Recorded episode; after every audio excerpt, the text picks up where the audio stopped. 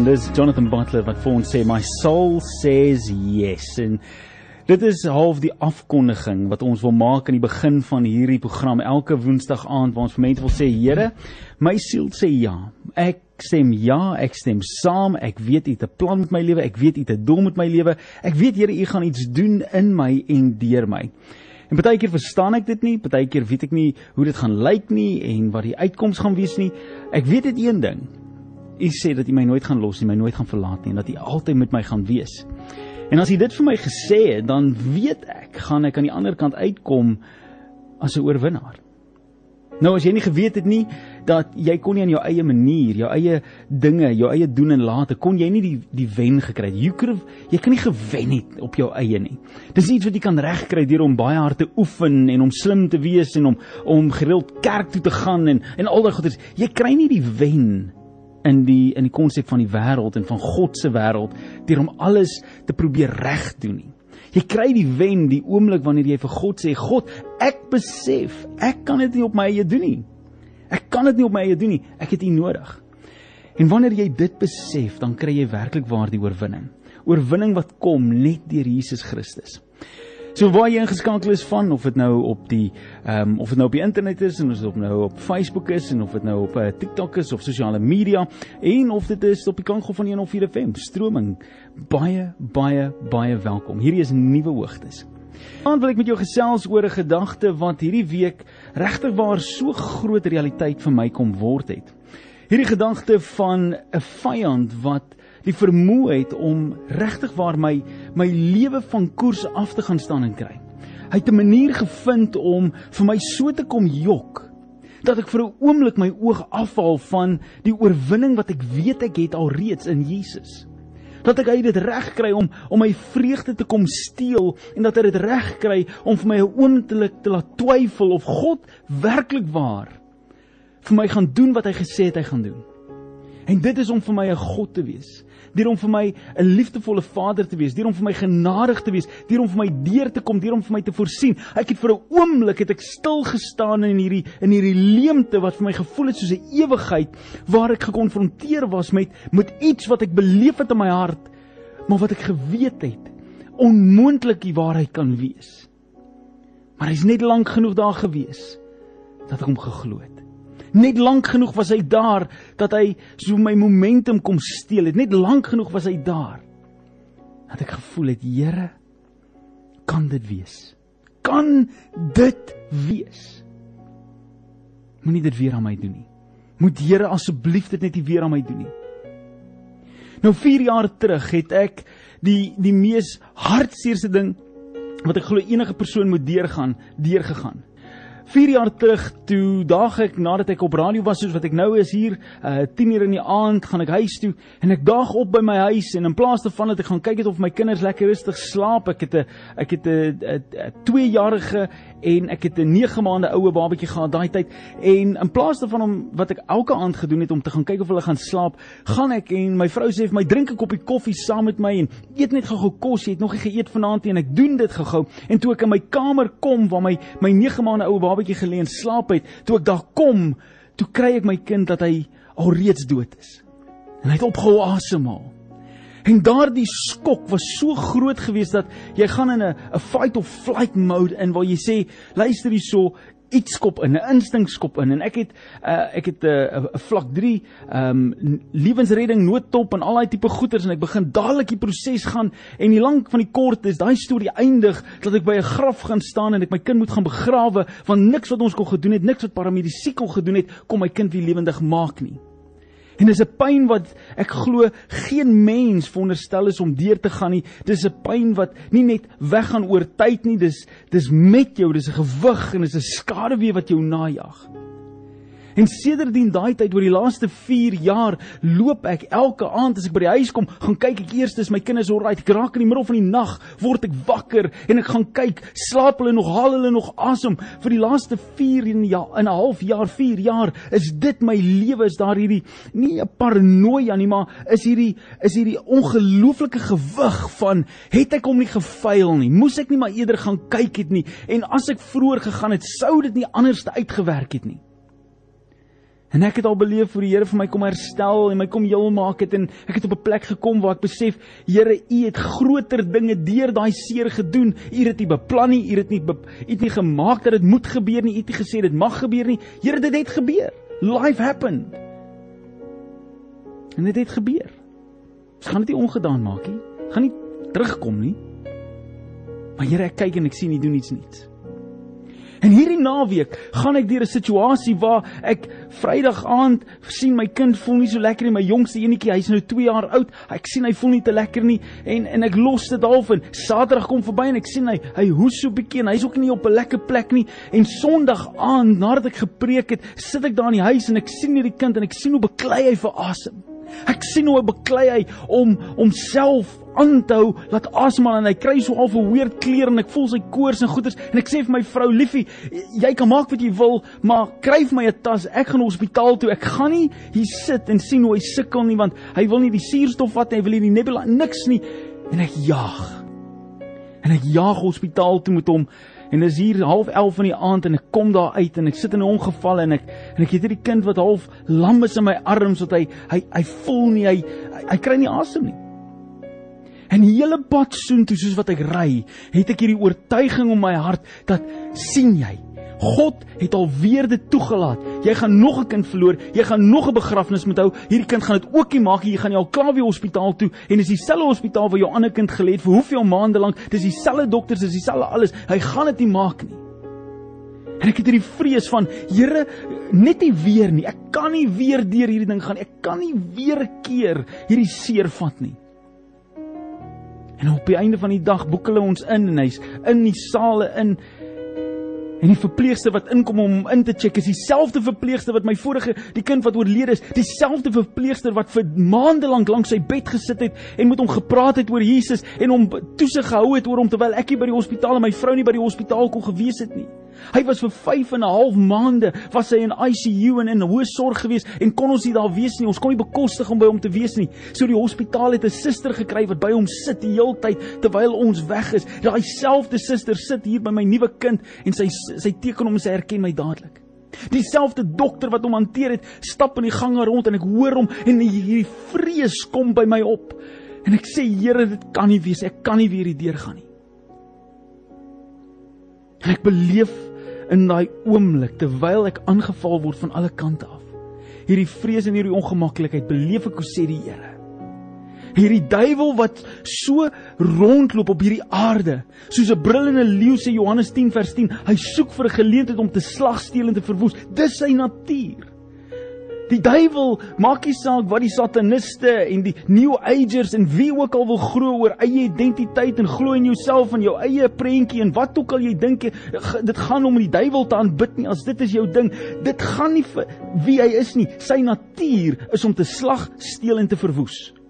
Sy natuur is nie om jouself te verhewe en te doen wat jy wil nie. Sy natuur is om te ver, vernietig dit wat God gemaak het Luister net 'n bietjie wat sê hierdie gedeelte in Johannes. Hy sê you belong to the Father. Hy praat van my en jou. Hy sê the devil and you want to carry out he does not want you to carry out your father's desires. He was a murderer from the beginning, not holding to the truth, for there is no truth within him. When he lies, he speaks a native language. Dis vir hom natuurlik om te lieg. For he is a liar He is the father of lies. En ek beleef in daai oomblik hoe die Here net in my hart kom kom bevestig dat hierdie vyand wat my kom aanval, hy een ding kom doen. Hy kom herinner my aan my verlede. Hy kom herinner my aan my seer, hy kom herinner my aan my probleem, hy kom herinner my aan 'n tekort in my lewe. Aan 'n hartseer tyd toe ek niks gehad het nie. Dis waarna hy my kom herinner. God doen nie dit nie. As jy nie geweet het nie, God kyk nie na jou en soek vir foute in jou lewe nie. Nee, God soek vir homself binne in jou. Hy soek waar jy ja gesê het op sy roepstem. Hy soek waar hy gehoor het dat jy sê, Here, ek erken dat U is myne of ek is U se. U het my geroep, het my geskep, het my vrygemaak. Dis wat God kom identifiseer in jou. Hierdie duiwel soek vir 'n leuen wat jy glo oor jouself. Nou of jy lelik is en of jy nou sleg is en of jy ontrou was en of jy 'n geëgbreek het en of jy gecheat het op jou partner en of jy voel jy's iets minder werd en niemand is vir jou lief nie en jy's lelik, hy sal jou herinner aan daai goed. Hy sal vir jou sê, "Kyk hier, dis wie jy regtig is, maar dit is nie." Wie jy regtig is is 'n koningskind. Wie jy regtig is is geliefd en is gekoop met die prys, met die prys wat aan die bloed wat gevloei het aan die kruis van Golgotha. Hier is hierdie gedeelte in die boek van Korintiërs, 2 Korintiërs waar Paulus skryf. Hy sê for no matter how many promises God has made you, they are all yes. Elke belofte wat God oor jou lewe gemaak het, sê hy ja oor. Is dit nie 'n amazing gedagte om te dink dat wanneer God vir jou sê dat hy gaan jou red, dan is die die uitwerk daarvan 'n ja nie? As jy vir God vra, Here, maar as U beloftes waaroor my lewe gaan nie deurkom, gaan U voorsien, gaan U vir my gaan U my red, dan is sy antwoord ja. Dis altyd ja. En as gevolg van Jesus Christus wat gesterf het aan die kruis, dan word daai beloftes 'n amen. Nou sê ek wat so sê nie, dis God wat so sê. God sê dat sy beloftes is 'n ja, dit gaan gebeur en amen, laat dit gebeur. Nou God sê nie iets en wag vir die lewe om uit te speel nie. Wanneer God iets sê oor jou lewe, dan word dit 'n realiteit. God skep 'n aarde in 7 dae, 'n hele universe skep hy en hy sit plante en diere en voëls en hy sit 'n see en 'n maan en 'n son en 'n aarde skep hy met mekaar met 'n woord wat hy sê laat dit so wees. En dan kyk hy na my en jou en dan sê hy laat daar mens wees en hy vorm ons met sy hande. Hy gee vir my en jou 'n plan en 'n doel en 'n rede vir bestaan. Nou hierdie vyand hou nie daarvan nie. Hy like dit niks wanneer ek en jy vashou aan die beloftes van God nie. Hy kom intedeel en hy kyk na my en jou en hy sê, "Hoe kan ek daardie beloftes vat en dit onwaar maak?" Ons sien dit reg van die begin af. Ons sien dit reg aan die begin in die tuin van Eden wat hy vir Eva wys. Hy sê vir haar, hy vra vir 'n eenvoudige vraag. Hy vra vir haar, "Het God nie vir jou gesê jy mag nie hiervan eet nie? Van hierdie boom wat in die middel is nie?" En natuurlik, dis wat God gesê het. Hy het 'n opdrag gegee. Hy sê, "Weet jy hoekom wil hy nie hê nie? Want hy wil nie hê jy moet soos hy wees nie. Hy wil nie hê dat jy soos soos God wil nie hê jy moet soos hy wees nie. Die lig van dit was is dat die slang het geweet presies vir die mens was. Van lank voor dat die slang vir Eva getempteer het, was daar 'n oomblik in Genesis 1:26 gewees waar God kyk en hy sê, "Laat ons mens maak in ons beeld en ons gelykenis." En Adam en Eva was soos God gewees in hulle natuur. Hulle was gewees in hulle beeld soos wat God was. En die slang laat hulle dink dat hulle nie is nie. Dis wat die vyand altyd sal doen. Hy sal altyd 'n manier soek om vir my en jou te vertel dat ons is minder as wat God wou gehad het ons moes wees.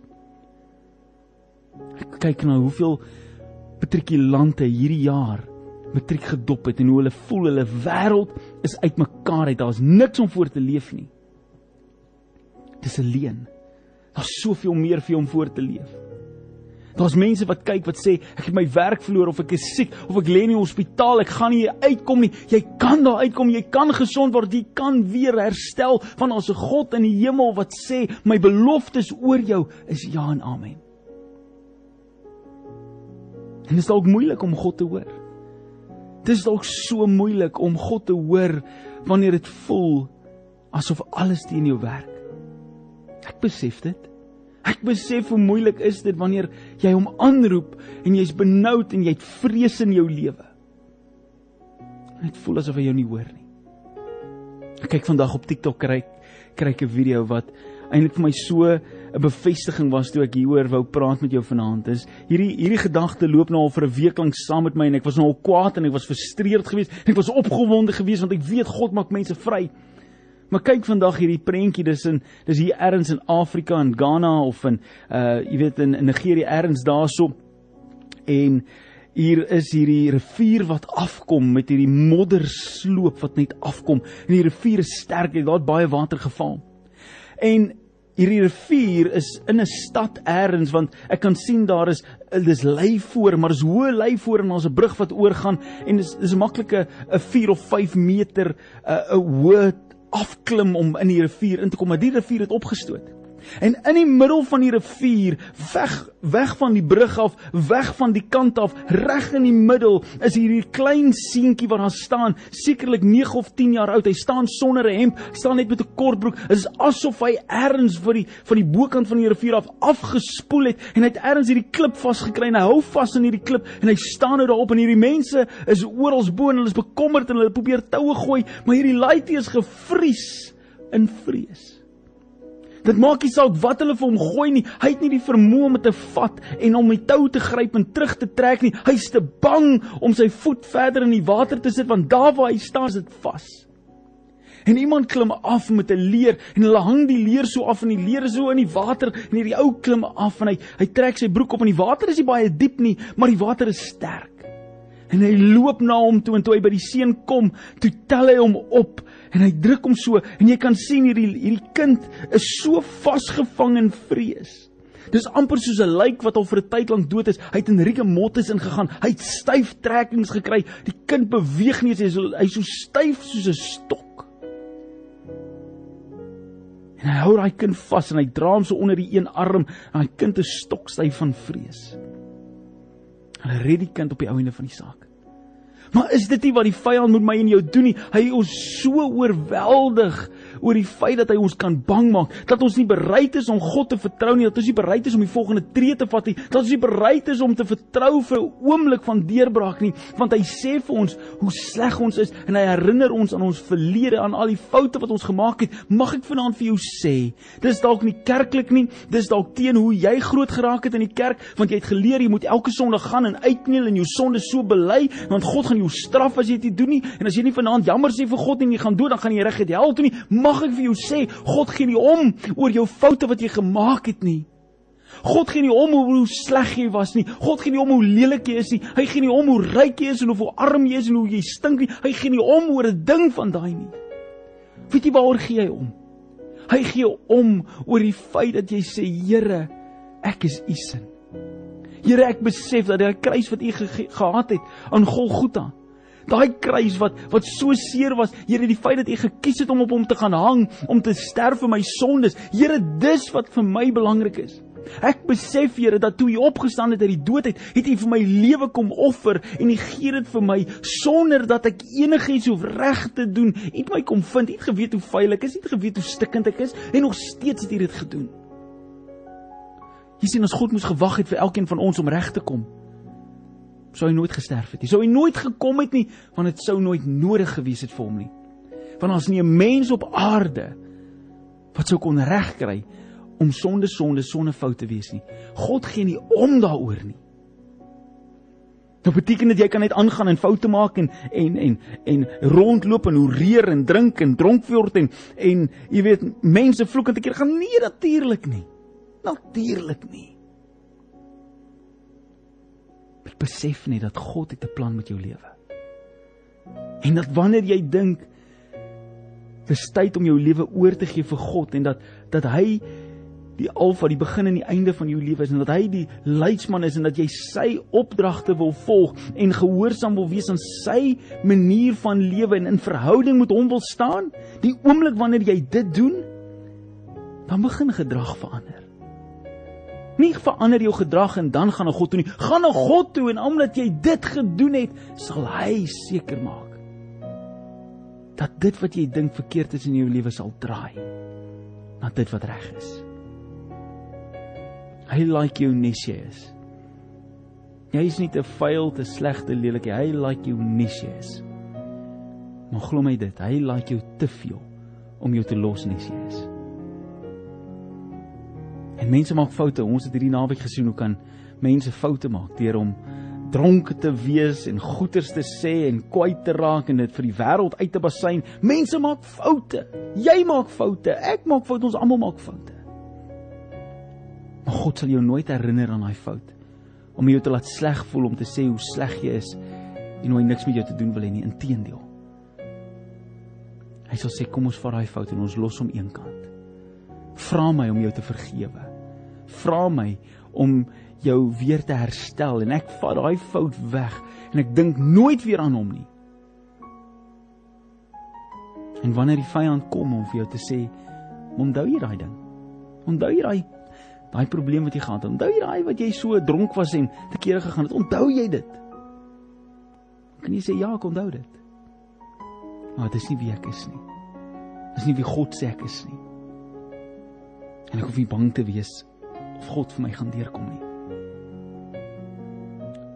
Ek is al meer as 20 jaar in voltydse bediening. En wou jou sê hierdie naweek het ek so met die Here gepraat in 'n koue sweet en was ek angstig geweest.